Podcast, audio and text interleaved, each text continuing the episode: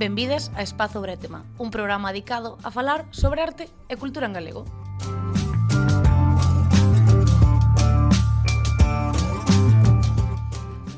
Outro mes máis aquí.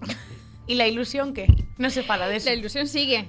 Sigue. Adelante. O sea, vamos ver a facer a mesma tontería que fixamos o mes pasado, que é fingir que non temos un invitado hasta a metade do programa onde entrevistaremos, pero ele está aquí. Entonces, hola Juan, que tal? Hola, que tal? Como non é a túa entrevista, pero eres Juan. Muy bien. Claro, cando sea a túa entrevista será con toda magia, donde eu che presento, tal, pero eres invitado uno. Perfecto.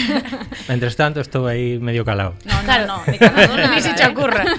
Ti cando facías teatro escolar eras árbol 1. Sí, exacto. Era árbol 1, se, se veía venir. Ibas ter que brincar con iso. Genial. Moi ben. A mí encantaríame. Bueno, pues estamos un programa máis. Eh, estou moi contenta porque YouTube está funcionando. Estábamos contentas, venimos contentas. A ver, sabedes que son unha chapas, pero funcionou con iVox. Entón, ahora estamos camino de YouTube. Entón, xa sabedes que un comentario, un me gusta, unha suscripción. Mm. Vechedes como editei e pusen aquí suscribirse. Sí. Moi elegante. Sí, o sea, está sempre cada día dando... E la girolita tamén. Ah, é verdad. Eu prometí unha edición fina e la hubo. E la hubo. Eh, entonces, unha suscripción, un like, un me gusta. Un like e un me gusta. Eh, sempre ben de recibo. Ademais, sempre faime gracia o mismo chiste que podes vernos e escuitarnos varias veces. Primeiro, en Spotify, para apreciar o ben que falamos e depois en Youtube para que vexas que outfit decidí poñer hoxe. Mm -hmm. Bonísima, como sempre. Sempre. Mm. O se, opacasme un pouco, pero... No, gracias, pero no. entonces, eh, hoxe, o tema é especialmente interesante porque traemos o aludido. Entonces, o aludido porque é unha estrella Eu especialista, bueno, eu bueno. especialista. Eu especialista, tenémolo, o sea, sacámoslo directamente de onde se fan os especialistas e ven a falar do seu libro. E saliu especialito. Uy. Adiós, cuidado, eh. non pasa nada. Si todo o programa é un pouco whatever. Claro, temos o libro que nos ha regalado en primicia. Uh -huh. Entonces, que ocorre? Que non vamos a enseñar porque de novo, isto non é entrevista. Isto é charla previa. Claro. Vamos este, a esperar a tu momento. Este é o botellón de antes de ir aos pubs. Uh -huh. Entonces, no botellón non hai libros. Entonces, bueno, Eh, Tania, deixo che libremente que nos presentes de que vai o tema. Bueno, pois pues hoxe vimos a falar da o tema estrella de Juan David, que é sobre os hoteles e o turismo en Galicia. Ole! Eh, bueno, eu, como sempre vou a dar un pouco de charla de, bueno, charla chapa, podemos dicir, ¿no? De esa orixe, de como xorde... Entón, bueno, pois pues eso, vamos a orixe, o comezo do turismo en Galicia. O turismo en Galicia está vencellado coa auga, tanto termal, ¿no? Augas sulfurosas como, eh, bueno, pues esos lugares de costa. A da chuvia no? A da chuvia non tanto. Ai, Ai, a quen lle gusta. Ai, sí. eh, todo xorde eso, pois pues, no século XVIII, esa primeira eh, ese primeiro turismo, pois pues, eso relacionado coas augas termais, como unha cuestión máis de saúde, non? Uh -huh. Non a xente movíase, non se movía demasiado, non? Eh, pois eran uns traxectos pois de lugares próximos e tal, pero es en busca de, bueno, pois pues, doeme a espalda, rodillas, tal cual, vou a darme as aguas. Exactamente, de feito que vou dicir, ese é un típico que indo fan nosas abuelas. Van as augas, Dar as augas. Mm. Claro, son unha maravilla. Claro. Despois, comeza no século XIX, como vos dicía, un pouco máis o tema playas, non? Mm. Vamos á playa, pero nada que ver coa idea que temos hoxe día en día de ir á playa. Este tema gustalle moito a Juan, verdad? Eres moi, eres moi de playa. o contrario. no, non che son moito eh, e a pregunta máis importante, que Arena, playa odias? No. Que playa odias? Eh, a verdade é que... Calquera. no, no, no. Eh, mellor será decir as que me gustan, oh, porque senón empeza aquí despotricar. vale, pues a ver, cal é a túa favorita, entonces? igual sonche un pouco tradicional, como aqueles eh, veraneantes de antes que iban ás praias frías do, do Cantábrico, que xes gustaba así que A ver, para calquera, bruma, para eh, calquera persona que non sea gallega, as nosas están frías. Moi frías. Sí, sí, sí, en sí, plan, sí. como que metedes aquí, que isto increíble. Bueno, mm. bueno, Atlántico está máis frío aínda. O sea, máis frío aínda, sí, a verdad. A Cantábrico verdad que sí. non tanto. Claro, hai que explicar un pouco como iban a playa antes, non? Gustábanlle máis as playas do Cantábrico porque son as playas máis ventosas. Bueno, si sí, en en mm. España mm. o primeiro turismo así de costa que que ten éxito é a mediados do 19 eh por exemplo, San Sebastián, Santander, son sitios onde a, a realeza dese momento pues, empeza a poñer de moda o de ir tomar as augas. Entón son os primeiros sitios de, de moda, os que se, logo se quere parecer a Coruña. Entón mm. entra tamén aí Claro, pero é bastante significativo o feito de que ti non vayas a sitios de full calor, rollo como se vai ás Canarias. Exactamente. No. Claro, que, que ti vayas para, bueno, unha temperatura así media. O ¿no? contrario. Unos 20 graditos. Claro, porque van vestidos. A saída do bikini vai aparecer despois. Claro. Sí, é unha maneira, era unha maneira de fuxir da calor do brau mm. naquel momento. Entón o Mediterráneo, bueno, mm, pouquiño a pouco empezaba, pero mm, no, o éxito tiña nas praias do norte. E a partir de finais dos anos 20, de 1920, cando empeza a ter moito éxito o, o a idea de veraneo de sol e praia. A ah. idea máis parecida ao que temos agora mesmo. Claro, ah. bueno, pois pues, non tiñamos bikinis ao momento, claro, íbamos máis recatadas. Moi recatadas. O de ir tomar o sol, todo iso, eh, típicamente de broncearse, eh, é claro, moi moderno, porque moda... antes antes o rollo era ir branco e ben tapadiño. Eh, claro, eh, Lina... eso nosas abogas todavía tiñan, non? Esa idea de mm. ir estar branco e que non mm. che des o sol, eso fai moito polo skinker tamén. Eso é. Sempre foches full defensora deste tema. Full defensora, xa o sabes. Correcto. Además é como, además é cultural e da época, por exemplo, non é o mismo o concepto que había nos 90 estar torrado oscuro que do que temos agora. entonces evidentemente, non podes pretender comparar pois, o que se pensaba no 19 co que se pensa agora de ir á praia. Claro. Bueno, entón, veña, volvo a facer un pouco pois pues, esa Polo camiño. orde cronolóxica. Si, entón temos que a auga é un pouco o recurso, non, que chama ao turismo. O turismo entre aspas, unha cousa de proximidade, mm. e claro, evidentemente non todo o mundo podía ir nin á praia, nin os eh, balnearios, nin as augas, non? Pois a xente con unha situación un pouco máis eh, desahogada, podemos dicir, non?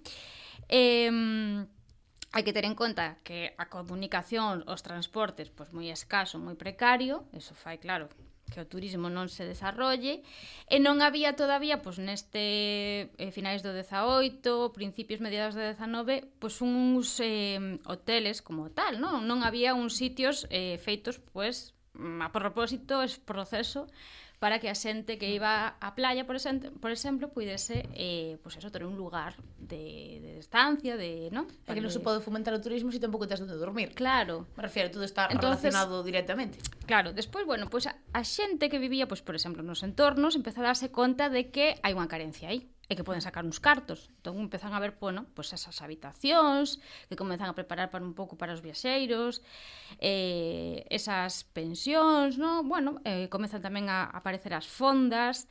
E non podemos falar en Galicia de hotel como tal ata finais do século XIX. Cuidado, eh. Cierto, Juan. Uh -huh. Todo no corazón. Eu fe. Eh, sí, eh, a verdade é que o, aínda que atopamos algún caso anecdótico antes, que tamén leva o nome de hotel, pois eh, hoteles como tal, mm, o primeiro en Galicia podería considerarse o, o Continental de Vigo. Claro que aí estamos mesturando dúas cousas. Estamos falando de turismo por un lado, pero os primeiros hotéis nacen nacen nas cidades cun vínculo forte con, con actividades urbanas que poden ser relacionadas co comercio, viaxantes, cousas polo estilo, non estrictamente claro. relacionadas co turismo. Era algo máis puntual, ¿no? Desos viaxeiros que tiñan claro. que trasladarse dun lugar a outro, máis que non de... necesariamente ocio. Ocio. Claro, claro. No caso dos hotéis de viaxeiros, os hotéis urbanos era máis ese ese perfil. Onde falamos máis de, de turismo? Pois sí, nos hoteles de balneario, que podían ser de interior, cuidado, que moitas veces claro. eh, non, non se trata só de costa. Os primeiros balnearios que teñen éxito son os das augas de, de interior, por exemplo, mm, Mondariz. caso de Mondariz. Mm. Pero despois a Toxa foi un balneario, é un balneario, que é eh, pioneiro en, en, en xuntar esas dúas vertentes a parte de eh, tomar as augas medicinais pero ao mesmo tempo eh, as augas de mar o, o desfrute da, do, do mar en xeral eh, xa nese sentido pois vai collendo unha, unha, un, un fío máis moderno non? Por claro, é curioso que, irónicamente, ou polo menos a me parece que o hotel non naza cunha cuestión de ocio, senón casi de teño que me hospedar aquí en algún sitio e quero que teña unha certa calidad, hmm. eh, porque estou facendo, que sei, cosas de maquinaria, yo que sei, hmm. de gente con dinero. Hmm. Entonces, como que parece curioso que non sea por ocio, sabes? Que non que a súa primeira vertiente non sea esa. Que me parece moi curioso. Sí, supos que o mellor que, que, que o ocio debería ser a, a primeira opción. A, a primeira opción. Claro, o que pasa que mm, eh, no mundo da, dos desplazamentos eh, históricamente, pois, eh, re, bueno, era necesario, era imprescindible unha rede de, de sitios para, para parar, para os antigos arrieiros, xente que traballaba con mercadorías.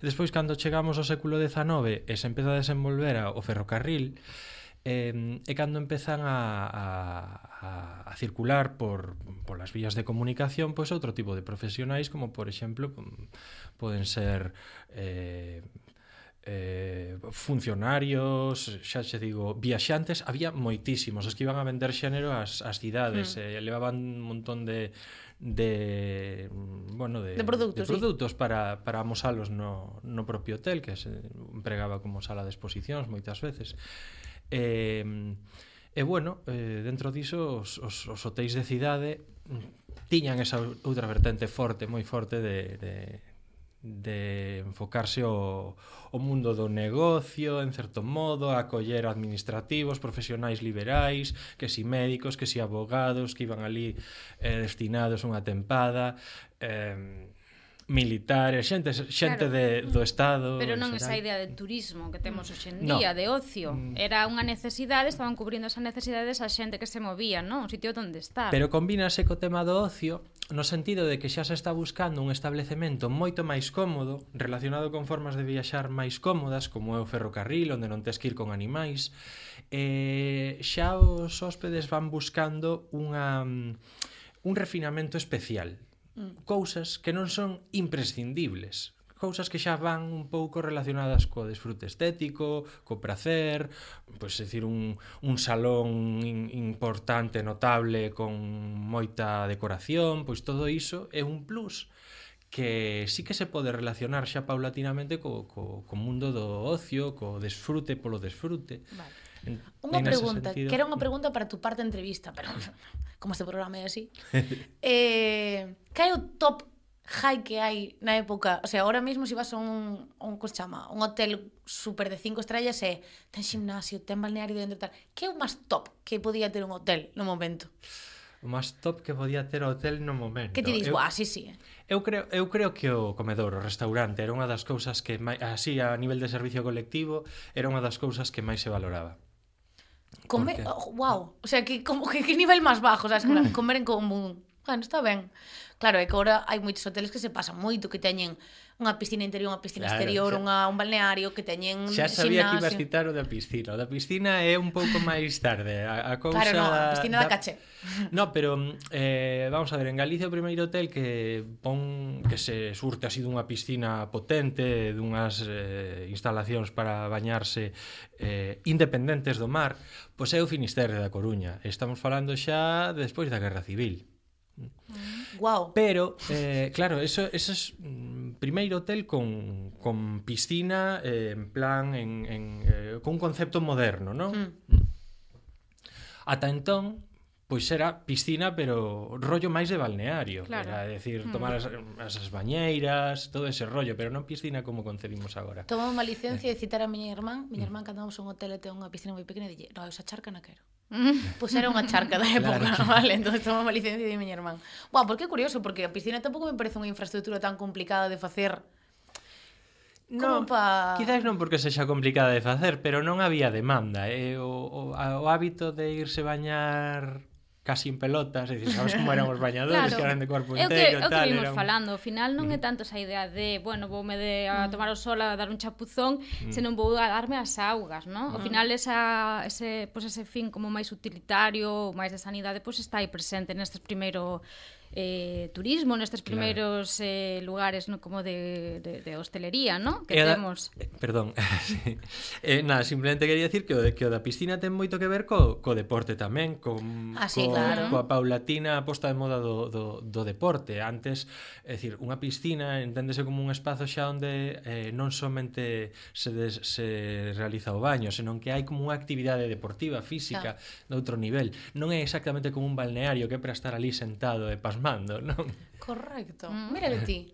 Bueno, eu teño aquí apuntado un ano, 1870. Chan, chan, chan. Que pasa neste 1870? Bueno, pois pues a partir deste momento o turismo comeza un pouco a pois pues eso, arriba, porque temos o tren, ¿no? O uh -huh. tren, esa conexión entre Santiago, entre, bueno, Cornes Conxo, que era Concello de Conxo, e Carril en Vilagarcía, mm. ¿no? Uh E claro, bueno, pois aquí temos que comeza pois a ver máis eses movimentos, daba, non, ir á praia, e tamén empeza a desenrolarse, bueno, pois a ter un maior importancia a burguesía. Era un pouco que decía Juan antes, e a xente comeza pois a demandar, non, eh, esa clase máis acomodada, non, que é a burguesía, empeza a demandar nos seus desplazamentos pois uns lugares máis acordes co que eles estaban acostumados, uh -huh. no? De feito, tamén, bueno, pois li no libro de Juan que mm, é o experto, hai que ler o libro. Claro, que, claro. Eh, aquí liuse como se fora a Biblia. Claro. O sea, aquí, bueno, isto é Que o turismo tradicional que había en Galicia era moi eh, miserable e pobre, no? Que viñan algúns eh, viaxantes de fora e que se queixaban especialmente das malas condicións que tiñan pois esas habitacións, esas pensións que, que había en Galicia, non? Sí, a verdade é que durante todo o século XIX en Galicia, España en xeral, teña unha fama terrible en cantos aloxamentos. É curioso, eh, chamoume moitísimo a atención. Pero tan, bo, tan bons eran os de fora. Sí, porque sobre todo os ingleses que eran os que iban marcando a tónica mm.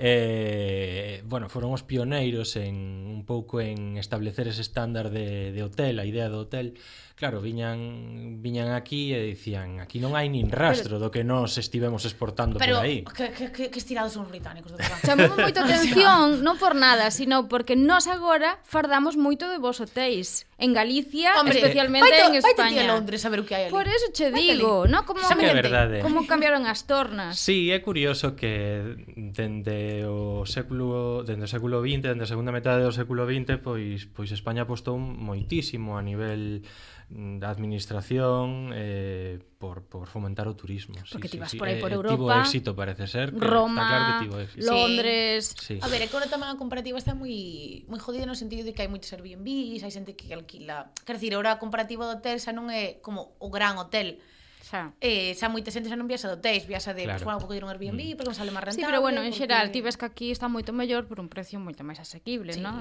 É o que falamos sempre. Sí.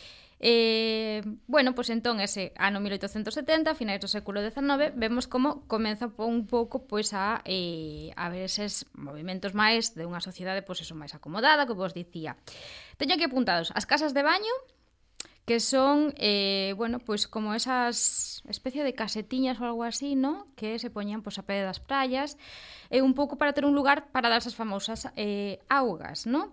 eh, os balnearios, Mondariz, que falábamos, a finais uh -huh. do 19, e o que xa adelantou antes Juan, que son os primeiros hoteles que temos en Galicia, que son en realidade urbanos, non? Sí, bueno, eh, vam, eh, hai que ter en conta que os balnearios xa estaban despuntando dende metade do 19 xa se estaban recuperando. Pasa que aínda non estaban dotados de infraestructuras hoteleiras en condicións. Hmm. Entón, eh, os balnearios tamén tiñan esa dimensión de que tiña un, un, uns espazos e unhas infraestructuras para atender os pobres, porque as, as augas considerábanse de interese público, entonces eh, non estaban negadas aos, aos pobres, permitíaselles que se foran dar as augas, mm. porque era tamén unha, unha, unha fonte de, de, de, de saúde.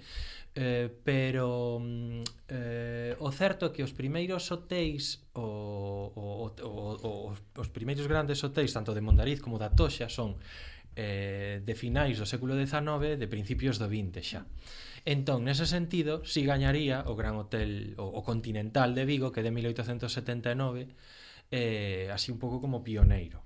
Pero, hai que poñer matices, porque haberá quen, quen diga, bueno, é que a, aquí en 1800 e algo vexe un sitio que se chama Hotel no sé qué. Digo, vale. Temos algúns exemplos anecdóticos anteriores Eh, por exemplo, en 1779 1700 ben, Exactamente un Mi século madriña. antes que o de que o de Codo Continental de Vigo Exactamente un século antes. Eh, Pois temos un establecemento na Coruña moi curioso que leva o nome de Hotel eh, du Grand Amiral Así con ese nome tan pomposo en francés Hotel du Grand Amiral. Eh, Hotel do Gran Almirante, algo polo estilo. Eh, neste este hotel, bueno, este este establecemento coñecémolo porque ali hospedouse casualmente uh, un señor que se chamaba John Adams, que logo chegou a ser presidente de Estados un Unidos. Un clásico, un John Adams. Hai que ver Hamilton pasar o día. Xa lo teño dito, joder. Claramente, sí. Pois o tipo resulta que tivo un problema no barco. Que grande. Eh, sí. e tivo que desembarcar en Ferrol. Porque non había man... Iba, iba cara a Francia. Eh, o que pasa que eh, misión diplomática, o que pasa que tivo de desembarcar porque senón iban a pique. Oh, entón, mal. por esas circunstancias chegou a Ferrol, despois tivo que cruzar a, a Coruña. Eh, en a Coruña hospedouse neste sitio que se chamaba Hotel do Gran Admiral. Eh, El vino pasa? internacional, vi un nombre no tono internacional. Claro. Sí. A ver, era, era, un, era un albergue, era un sitio mm, sinxelo, quizáis bo dentro da Coruña do momento, pero non era un gran hotel. Mm. Naquel momento non había, si, nin siquiera a nivel europeo, eh, e moito menos en Estados Unidos, eh, os grandes hoteles. Eh, pero, eh, por casualidade, leva ese nome de hotel. Porque hotel, a palabra hotel facía referencia a unha casa grande, unha casa importante na lingua francesa, claro.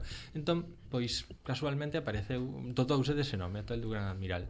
Era un albergue, unha fonda, un algo polo estilo. Pero, pero bueno, como precedente é interesante mencionarlo. Despois, ao longo do século XIX, sí que aparece algún establecemento que, sendo fonda, hai algún viaxeiro que lle chama hotel tamén. Di, hotel tal, pero usado como palabra común, non sei, por parte de algúns ingleses, pois refírense as fondas igual como hoteles, pero xa vos digo, ata finais do 19 propiamente non hai hoteles. Vai, claro, non vayamos hai... o que eu estou esperando que pasa? Non hai review de John Adams, non hai cotilleo, non hai nada, o sea, claro. estamos aquí esperando. Joder. Recomendo esa serie. Está, está moi ben, serie curtiña, sete capítulos, está moi chula. Pero non sale a Coruña, non sai a Coruña, non no. sai a Coruña. Que vergüenza. Pero que serie? Que serie? Fixeron un salto nese. estamos falando do mismo. Estou falando de Hamilton, que é un musical de Broadway mm -hmm. que fala sobre cando pasan das 13 colonias a un país como tal. Mm. El está falando da serie de John Adams. Sí. Mm. Correcto. Chove, vale. Pois sí. pues eu teño apuntado aquí falando diso, guías de viajes e álbumes de fotos. Tío, que me estás jodendo a entrevista. No, pero non pasa estou nada. facendo un pouco un fío conductor para seguir unha orde cronolóxica, ah, vale, para vale. que a xente se entere. E o que vamos a falar de reviews, guías de viaje, ¿no? Hmm. Eh, pois pues, teño aquí apuntados os primeiros registros en 1882. Correcto? Os primeiros registros de guías de viaxes. Sí.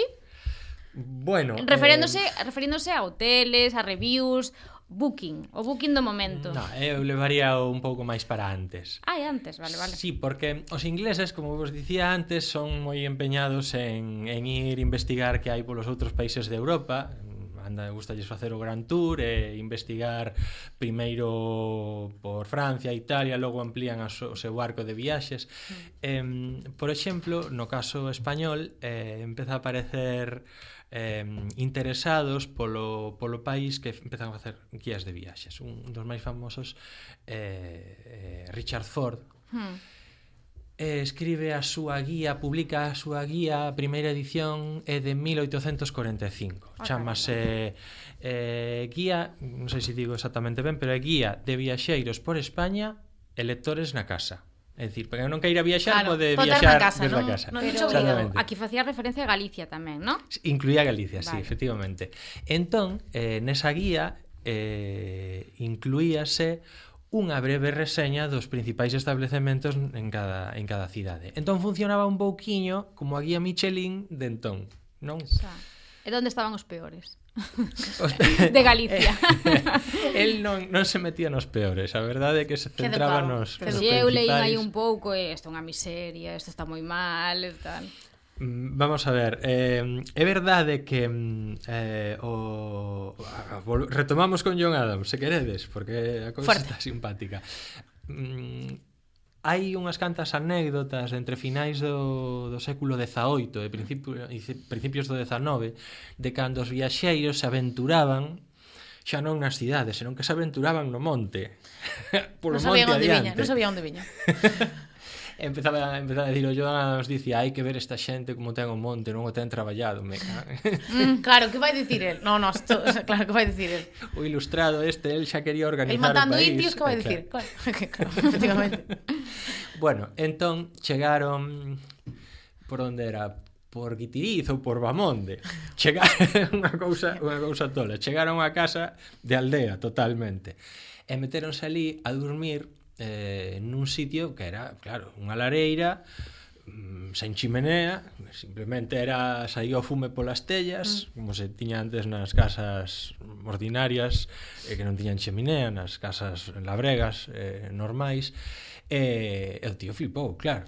Que non era, estaba todo, estaba no, no. todo cheo de fume, todo cheo de, de, de cinza, e os animais polo medio, e así. E, bueno, non había cristais, non había vidros, todo cheo de... Bueno, tamén se falaba moito das de estaba cheo de bichos, as colchós, cando había colchós, outras veces non había, bueno, era bastante fastidiado.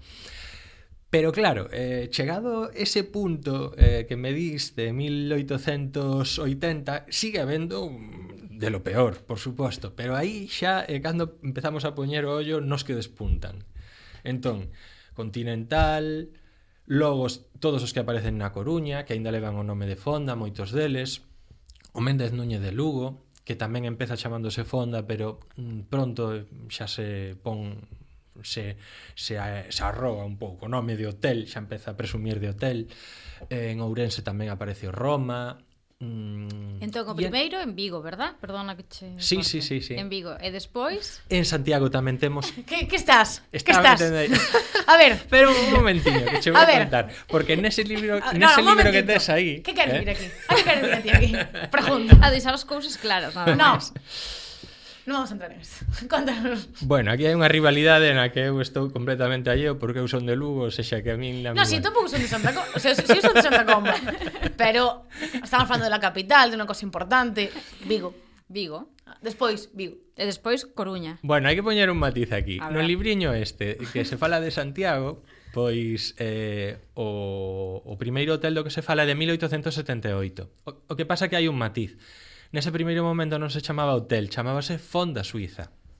Oh. Fundan un, uns eh, suizos da familia Mengotti eh, e, e poñenlle o nome de Fonda, porque naquel momento a palabra Fonda é que ten máis prestixio no ámbito local, a nivel mm. de establecementos. O de hotel é como se fose un neoloxismo, un, un estranxeirismo. Mm. Entón chamanlle Fonda Suiza, pero xa ten un pouco esa voluntade de, de ser un, un establecemento de categoría superior. Mm. Uh -huh. Entón, si sí, se pode considerar un hotel, aínda que con nome de fonda.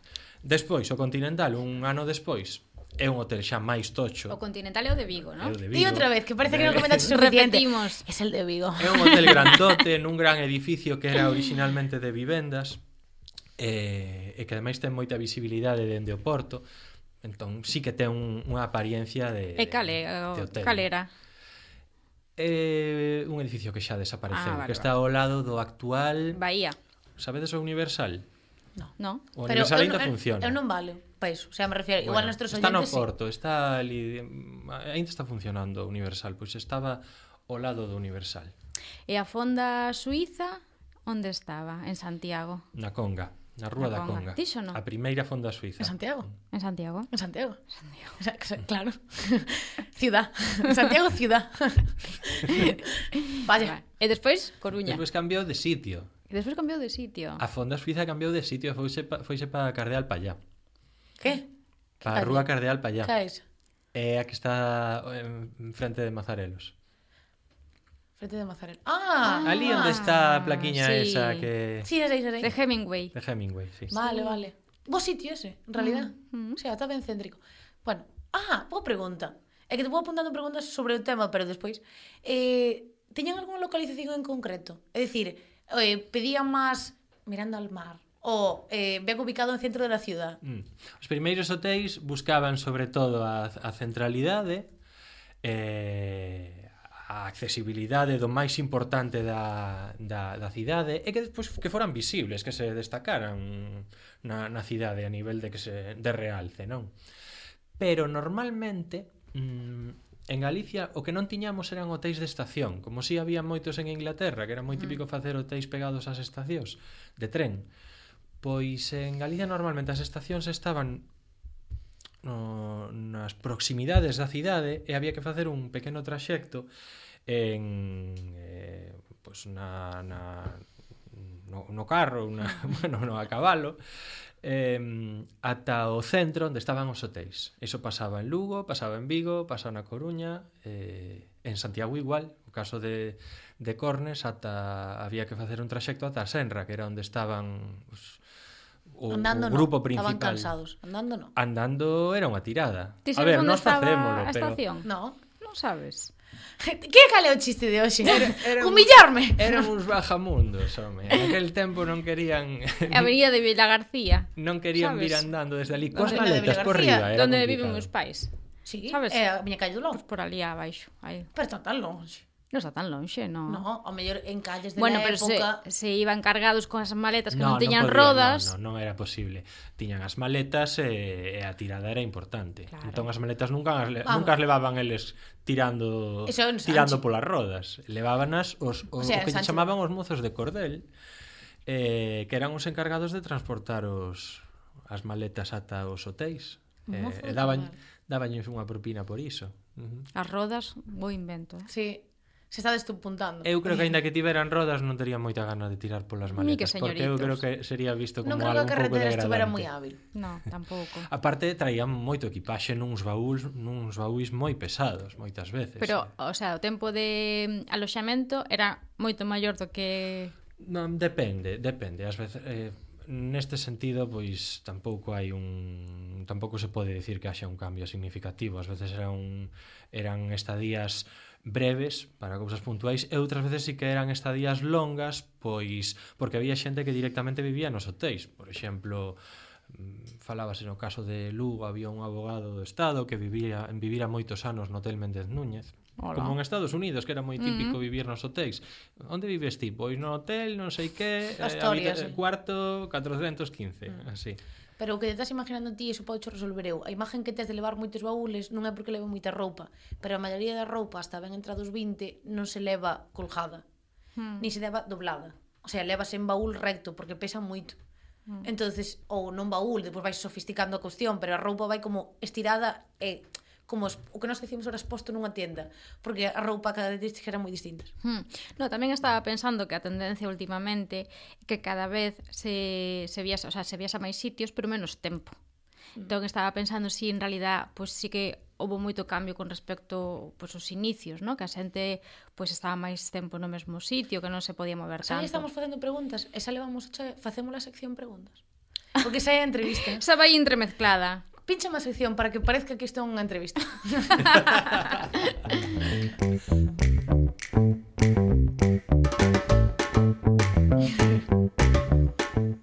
que casualidad. Que ti por aquí? Pois por aquí andamos. Vamos a presentar a nosa invitada, ahora sí.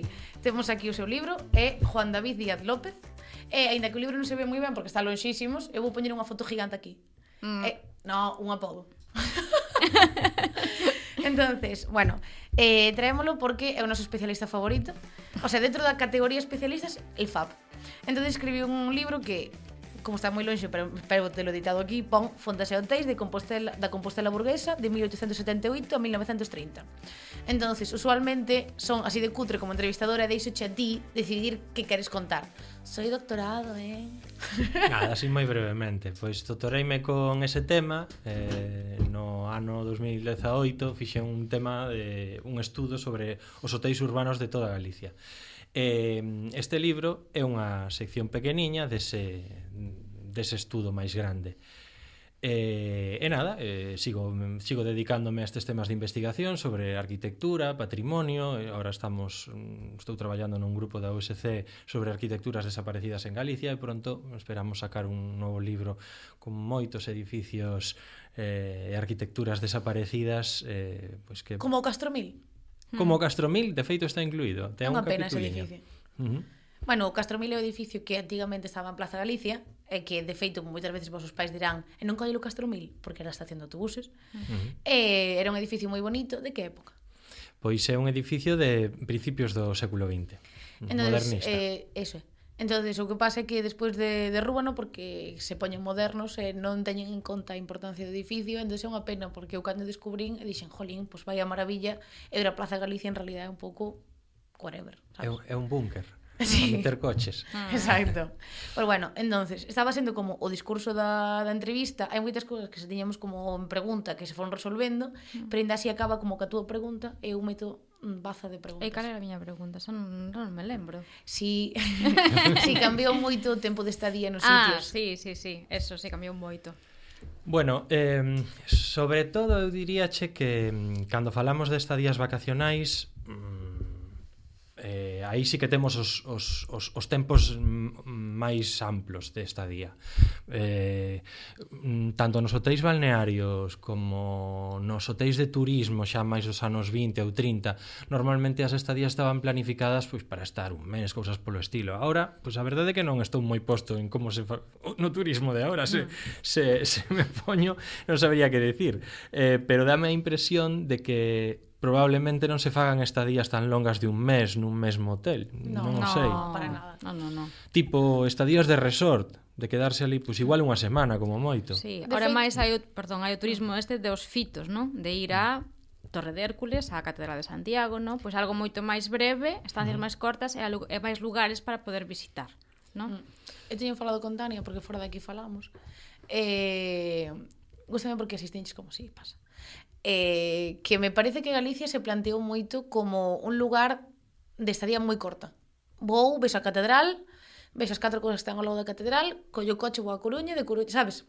Creo que nadie plantea vir a Santiago, bueno, a Galicia xa como concepto, eh, de maneira a termo a largo termo. É dicir, tipo, a mellor para ir a Madrid ciudad, xa non digo a Madrid comunidade, porque a xente ven a Galicia, a, a Madrid pode estar sete días e non se parecería que habría máis que ver eh, e haber máis espectáculos. Me refiero, que creo que o concepto está como moi difuminado en Galicia, pero esta é a opinión miña. É que eu creo que as estadías de longa duración pero máis sedentarias hmm. son as que están relacionadas cos grandes resorts. Punta Cana, cousas dese estilo. Ou, por exemplo, no Mediterráneo, eu que sei, marinador, cousas destas, eu non sei. Sí, bueno, eu direi ese, ese estilo. Que eu son pero... eu son de Cangas, no? E a xente vai temos os típicos veraneantes. O sea, uh -huh. xente que pasa 15 días, un mes... Ah, pero en pisos, máis que ali... hotéis. Sí, claro. máis ben en pisos, bueno, ou en hostais, no? destes que están preto da playa sí. tamén e tal.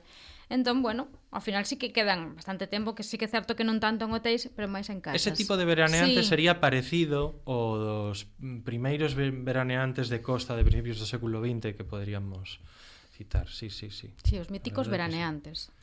Os aí veñen os aí, aí veñen os veraneantes. É unha figura mítica, sí, sí. sí. Además, o que cambia un, un unha vila mariñeira cambia moitísimo de verán moitísimo, inverno. Moitísimo, eh? moitísimo. Eh? Mm. Sufrelo en primeira persona. Xa non tanto. Vivíchelo. Foron tempos. Correcto. Bueno, entonces vou aquí con mis preguntas. Vale, unha pregunta. Eh, había estrellas, é dicir, había gotal de primeira, segunda, terceira, carta estrella? Pois mira, o, eh, o sistema de estrelas, quero recordar que se implantou nos anos... O actual sistema de estrelas implantouse nos anos 60, finais dos 60, creo recordar. Xa se me sae de data, entón non... Non, non, no, pero me refiero, había algo pero, equivalente. Pero, mm, en principio non non había sistemas de estrelas, nin había un estándar de categorías, ata as primeiras legislacións eh, turísticas que clasifican os diferentes establecementos. É dicir, eh, falamos, eh, por exemplo, de prácticamente eh, prácticamente chegamos a, a, a guerra civil. É que... Tan tarde. E antes como se decidía? Sí. É dicir, como, como, claro, xente con pasta dicirá, ah, no, vou este hotel que é mellor que este. Pero que apenas había outro tipo de hotéis, non? Vamos a ver, eh, antes tiñamos diferentes tipoloxías de hospedaxe. Tiñamos hmm. hotéis, tiñamos fondas... Claro, hotel tiñamos... era top. Claro. Claro, claro. É dicir, o feito de decir hotel era eh, unha, unha maneira de xa poñelo por riba claro, de todo. Xa se lle suponía unha guías, categoría. Guías non oficiais, perdón, eh, categorías non oficiais que sí que se manexaban eh, son, son por exemplo, as que, as que utilizaba a guía Michelin dende mm. 1910 en España, sí que cate, categorizaba os hotéis como eh, falo un pouco de memoria, pero había hotéis de gran luxo, de luxo, eh, hotéis que estaban ben mm. ou hotéis menos categoría un pouco inferior, pero non eran categorías oficiais e non estaban reglamentadas pola pola legislación turística estatal. Pero sí é verdade que a partir de a partir da Dirección Xeral de Turismo, non sei se si antes co, patrim, co Patronato Nacional de Turismo xa nos anos 20, pero non, non ata, ata os anos 30 non se empezan a categorizar, a categorizar os, os diferentes categorías. Eh, eh, e dende logo non había aínda sistema de estrelas. Había eh, niveles de luxo. En categoría primera, primera A ou eh, segunda este, era outro tipo de clasificación que hoxe xa non se emprega. E había publicidade do hotel? Sí, sí, moita. Plan marinador, cidade de vacaciones, dígame. Había moita moita publicidade, dende finais do século XIX aparecen moita moita publicidade de hotéis e de destinos eh, na, en prensa, en guías, eh, en indicadores comerciais das cidades, eh, por exemplo, en, nas típicas guías comerciais de cidades onde se recollían todos os establecementos que había, non? Típica guía telefónica, ah. pero de establecementos, pois parecían anuncios de hotéis, eh, sí, sí, por suposto, era moi moi frecuente. Claro, é que pareceme tan difícil imaginarme eh, como reservar todo a parafernalia de ir a un hotel antes, me refiero, ora colles, abres booking, pagas. ¿Sabes? En plan, pareceme como compleja situación de como encontro hotel que hai en ese sitio, porque necesito guía. Quero decir, hai como... O boca a boca funcionaría moito os medios escritos e eh, despois en moito caso, en moitos casos as reservas non sei se serían vía carta ou algo polo estilo. Man, vas mandando a carta un mes antes, que vai chegando, sin prisa ninguna. No, chegas ali, non? Pero moitas o... veces era chegar ali. Claro. Mm. Chegar ali e... e que te hospedaran, nada máis, sí. Tiñan moita capacidade os hotéis? Mm, non, comparado... Non, non, non eran hotéis de moita capacidade en xeral. Eh, dende logo, os hotéis galegos comparados cos hotéis europeos eran hotéis de pouca capacidade. E os hotéis europeos comparados cos estadounidenses eran unha birria. Porque os americanos xa dende principios do 19 tiñan hoteles mastodónticos. Mm. Non se sabe por qué, pero gustaballe o, os grande. mastodontes. Pero sí, en sí. general, o sea, gustalle o concepto grande. Sí, sí, Ca sí, comida, sí. con os servicios, pero... Eh... e que en xeral a capacidade viña condicionada polo feito de que os hotéis non eran edificios construídos expresamente para hotel, senón que eran eh, casas de vivendas adaptadas. Hmm. Pois pues mira, esa miña pregunta, non había ningún arquitecto renoma, renomeado fixo este gran hotel ou non? Hmm. A ver, sí, para, para casos de balnearios sí que hai algún arquitecto eh, de moito renome, por exemplo, Vázquez Gulías, no caso do da Toxa, eh, un arquitecto que que, que, que é moi recoñecido. Mm, nos casos de, de, de balnearios, sí, especialmente. Pero porque eran hotéis ad hoc, os de balneario. Mm. Eran expresamente para iso pero os de cidade normalmente eran edificios de vivendas adaptados. Entonces tiñan o seu arquitecto, ás veces era un arquitecto importante, como por exemplo eh, Faustino Domínguez para o caso do Hotel Palace da Coruña, pero claro, el foi arquitecto do edificio de vivendas que se fai nos anos de 1870. Mm. E despois o hotel non se, non se abre ata 1916. Eh, eh, eh, o sea que pasa moito tempo ata sí, que o edificio que... se transforma en hotel. O seu arquitecto teno é un arquitecto importante, pero o edificio non foi diseñado originalmente. E cando deciden facer os deseños xa para hotéis e non para casas de vivendas? Eh, sobre todo, eh, a ver, eh, en Galicia temos eh, uns cas, eh, algúns exemplos importantes de edificios deseñados expresamente para hotel nos exemplos de Rodolfo Ucha, en Ferrol. Hai varios edificios que se deseñaron a principios do século XX para hotel. Mm. Son un pouco excepcionais o feito de que se deseñaran expresamente para hotéis, pero mm. sí son deseñados expresamente para, para hotel. Despois, cando se generaliza, a partir dos anos 50, o normal que a partir tarde. no podo dicir antes, eh, quizáis o mellor hai xa algúns exemplos nos anos 30 xa hai moitos deseños expresamente hoteleiros, pero sigue habendo eh, promotores que um, hosteleiros que siguen montando hotéis en edificios de vivendas. O sea, que Como conviven. pasa hoxe, por certo. O sea. Canta, cantas veces hoxe temos edificios de vivendas que son reformados uh -huh. para que logo funcionen como hotel. Sí. Pois exactamente iso sí, seguía pasando e seguiu pasando. Hmm. O que pasa que o, a idea de que se queres ter un hotel eh, eh, potente con aspiracións tes que ter un proxecto estrictamente hoteleiro, pois sí que se empeza xa a aplicar a partir dos anos 30, si poderíamos decir anos 30. Moitos dos cales non se levaron a cabo, porque eran tan ambiciosos que quedaron non aí había... no, nun caixón. Este igual se queda como fora de época, pero cando empezan a necer os hoteles a lo grande, a lo resort en plan Canarias? A los resort en plan Canarias. Sí, pois pues ese é co cambio do turismo, non? La... claro, porque unha cousa que me chamou moita atención é eh, e nunca fora un hotel resort destes gigantescos hasta que fun as Canarias con meus pais.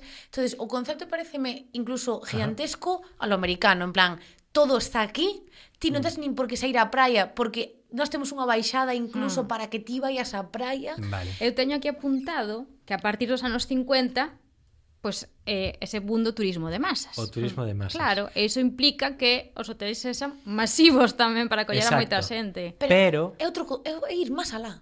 O sea... Pero se ti preguntasme expresamente polos resorts, sí. eh, por un hotel de gran capacidade para estadías mm, de bastante mm. tempo.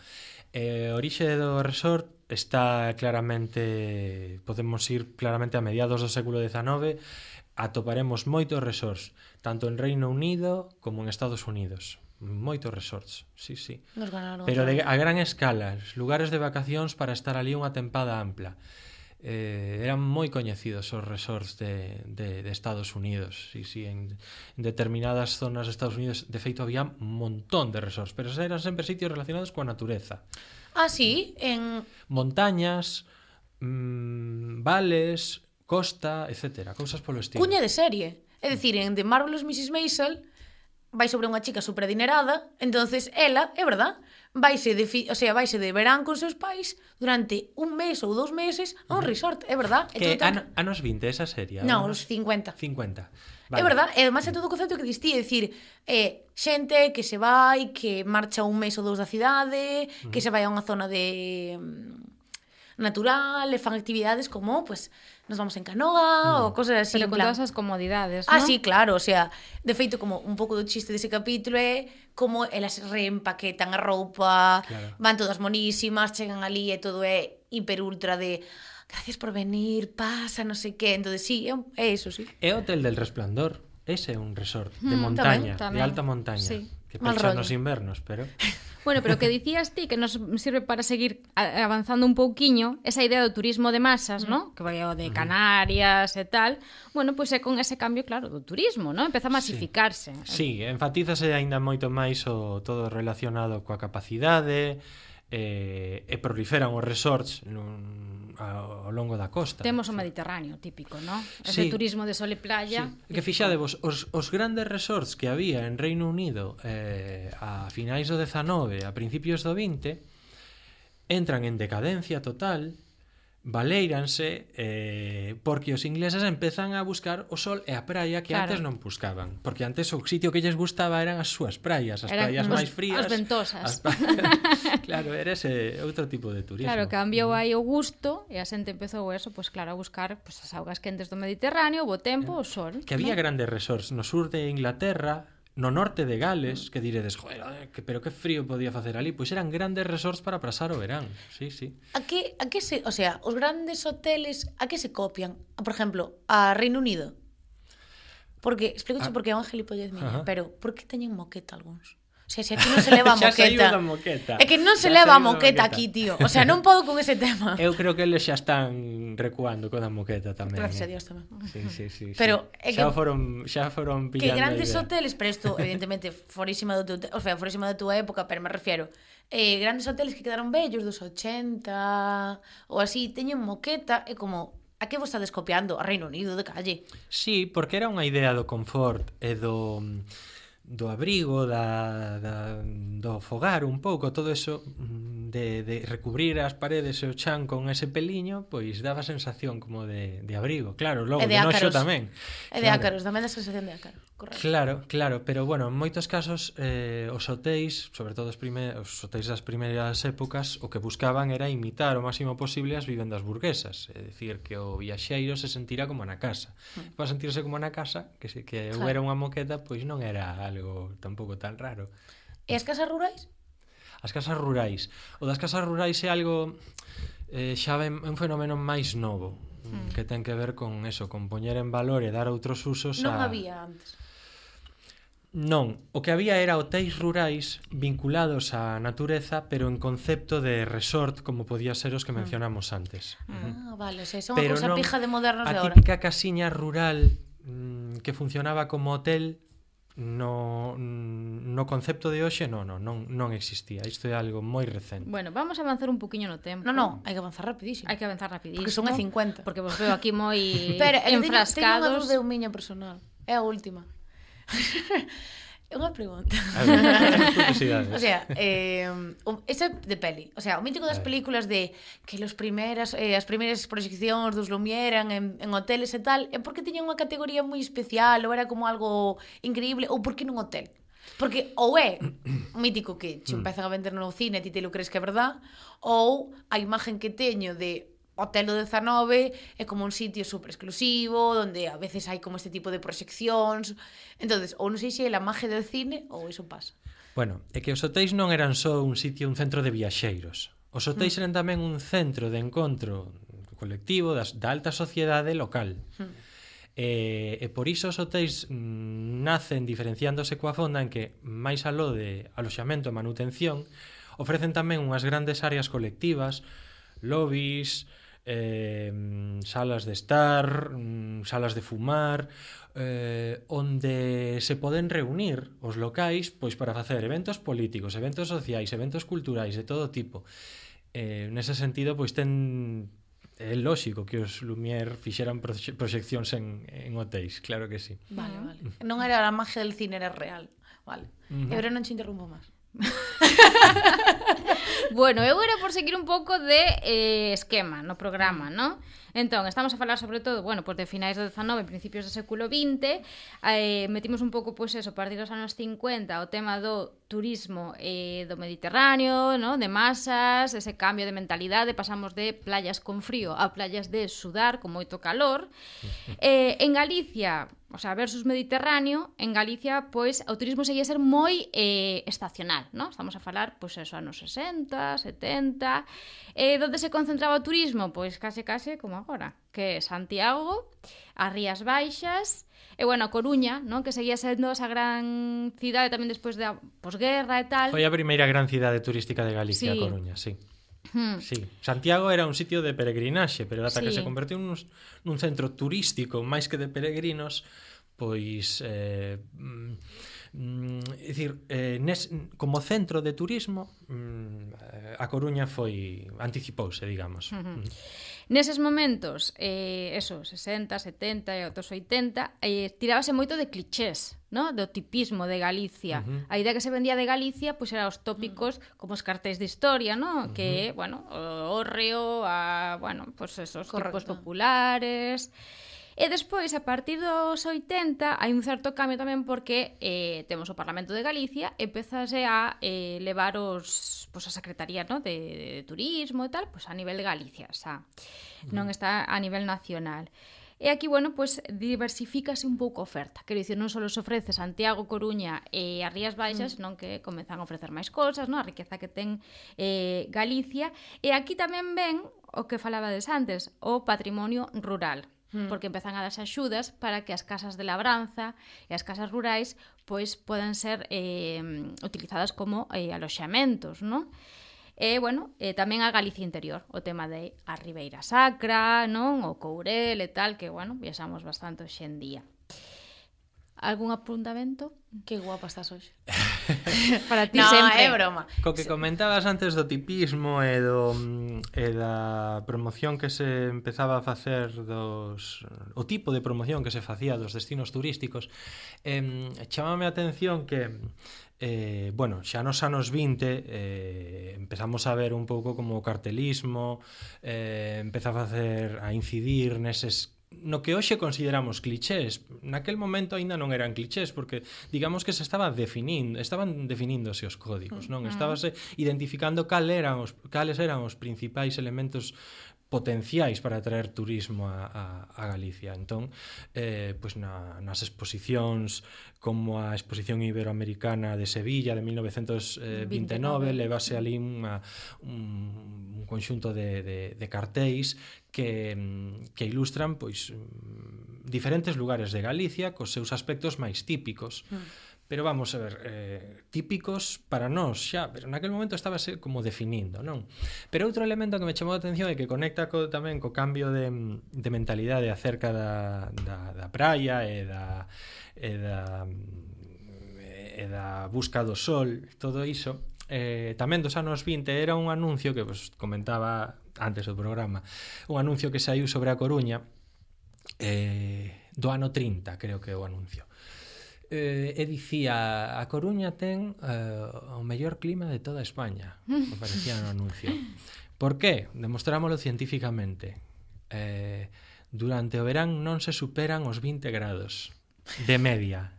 Bueno, está... Empezaba, aparecían as cifras das outras cidades. Mm as outras cidades, todas, moitas das cales superaban os 20 grados. Entón, mm. Entón, decir, que argumento máis potente para atraer o turismo a Coruña que dicir que é un sitio fresco onde vas pasar o verán fresquiño e non eh, atorrarte de calor. Correcto. Claro. Ese, ese eran argumentos que hoxe en día non teñen claro, puñetero sentido, sentido, pero pero que naquele claro, momento hai ese cambio de mentalidade, vixencia, claro, claro, que o que vimos a falar, mm. despois pois pues, eh, claro, pois pues eso oh, buscase o sol, ¿no? que o que estábamos a falar. Bueno, eu seguindo un pouco, eu quero meterme xa no século XX, un pouco no 21. Eu creo que non vamos a meternos en ningún sitio. Sí, un pouquiño. Un pouquiño na máis, na máis que un pouquiño.